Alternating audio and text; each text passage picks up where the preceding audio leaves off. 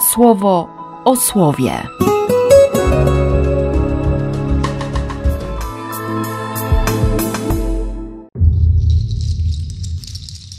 Dwudziesty pierwszy lutego, poniedziałek. Z listu świętego Jakuba.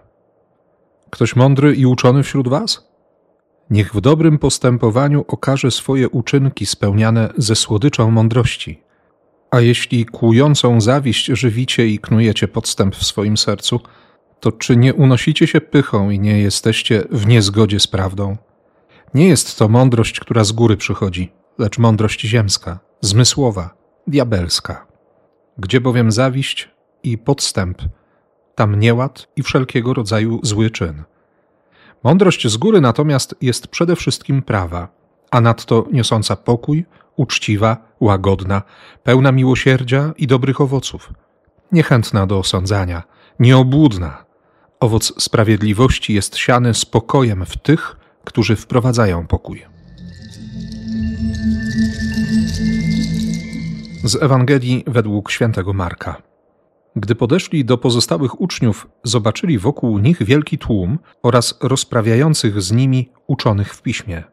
Skoro tylko ten cały tłum dostrzegł go, zaraz jakimś porywem zostali dotknięci i przybiegając witali go. Zapytał ich, o czym z nimi rozprawiacie? Ktoś z tłumu odpowiedział mu, nauczycielu, przyprowadziłem do ciebie swojego syna, bo on ma ducha niemego. Gdziekolwiek go chwyci, przewraca go i on toczy pianę, zgrzyta zębami i drętwieje. Już mówiłem twoim uczniom, aby to usunęli, lecz nie dali rady. On na to rzekł im, o plemię niewierne, dokąd jeszcze mam być przy was? Jak długo jeszcze mam was znosić? Przyprowadźcie go do mnie. Przyprowadzili go do niego. Kiedy duch go dostrzegł, zaraz szarpnął tamtym, tak że upadł na ziemię i tarzał się, tocząc pianę. Wtedy zapytał jego ojca, jak dawno to mu się stało. Odpowiedział, w dzieciństwie. Wiele już razy i w ogień go rzucił, i do wody, aby go zabić. Jeśli więc coś potrafisz, zlituj się nad nami i pomóż nam. Jezus mu rzekł, jeśli potrafisz? Wszystko możliwe, gdy się wierzy. Wtedy ojciec chłopaka od razu głośno zawołał: Wierzę, pomóż mojemu niedowiarstwu. Jezus, zobaczywszy, że zbiega się tłum, skarcił nieczystego ducha, mówiąc mu: Niemy i głuchy duchu, ja tobie rozkazuję, wyjdź z niego i więcej tam w niego nie wracaj. Ten wrzasnął i rzuciwszy nim, wyszedł. A uzdrowiony stał się jak martwy, i wielu mówiło, że umarł. A Jezus wziął go za rękę i podniósł. On wstał. Gdy wszedł do domu, jego uczniowie pytali go na osobności, dlaczego my nie mogliśmy tego usunąć.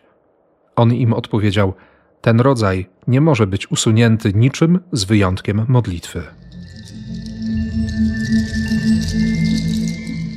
Jakub kontynuuje to nauczanie czy sugestie, aby się nie palić jakoś tak szczególnie do głoszenia, do bycia nauczycielem. Skoro język potrafi płatać takie figle, właściwie skoro potrafi być tak nieposłuszny. I zadaje to pytanie: ktoś mądry i uczony wśród was? Niech w dobrym postępowaniu okaże swoje uczynki, spełniane ze słodyczą mądrości.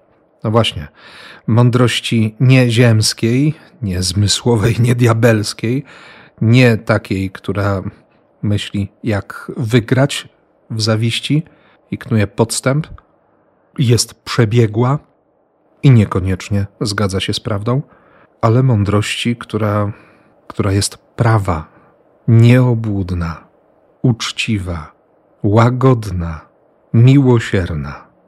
Bo gdzie zawiść i podstęp, tam nieład i wszelkiego rodzaju zły czyn. Niby o tym wszystkim się wie, a jednak wciąż brakuje mądrości. Tym bardziej czuję się zachęcony, żeby, żeby o tę mądrość prosić, nie? o mądrość rozpoznania dobra, o mądrość, która pozwala też odkryć to, czego, czego naprawdę chce Bóg. Tym bardziej, że dzisiejsze drugie czytanie naprawdę wzywa do wiary.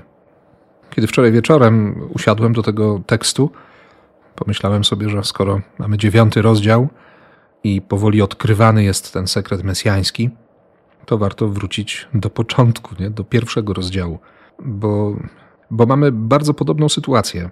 Najpierw był chrzest, rozdarcie nieba i ten głos ojca, który potwierdzał: To jest mój syn. On jest umiłowany. W nim złożyłem wszystkie swoje postanowienia. I później Jezus zostaje wygnany przez ducha na pustynię.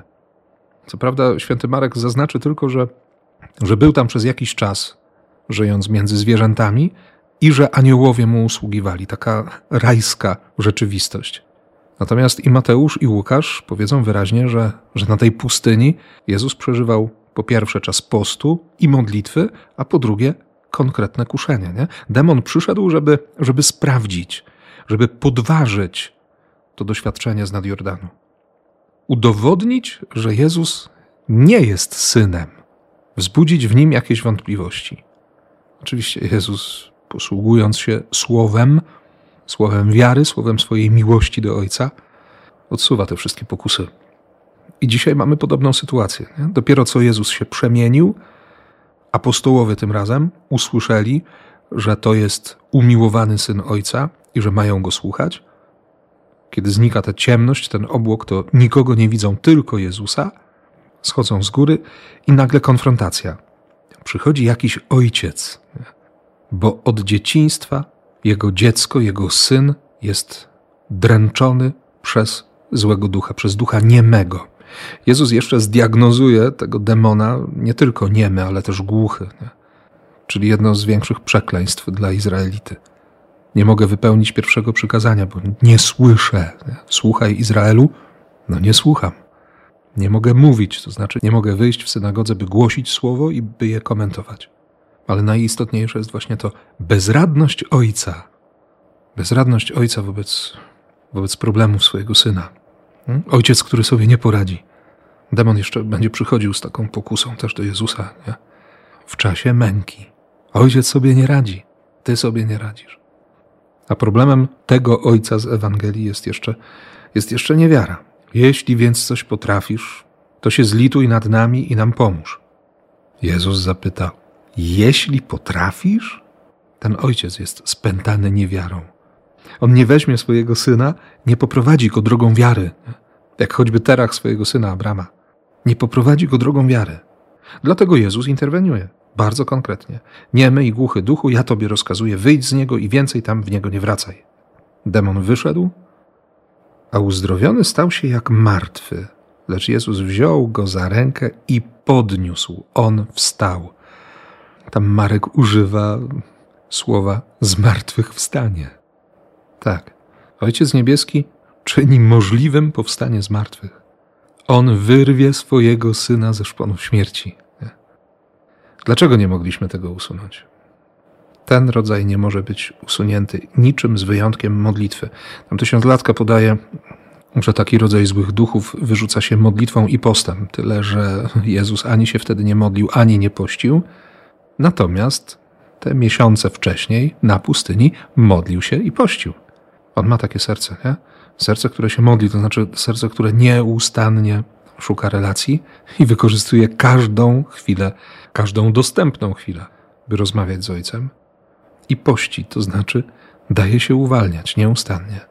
Jest uwalniany przez tę miłość od bożka sukcesu, od tego przekonania, że wszystko mu się musi udać i tak dalej, i tak dalej. On po prostu słucha ojca. On tak kocha ojca. Modlitwa i post mają prowadzić do takiej miłości żeby komuś objawić, zwiastować i udowodnić zmartwychwstanie. Być znakiem nowego życia. Tego Ci życzę i błogosławię w imię Ojca i Syna i Ducha Świętego. Amen. Słowo o słowie.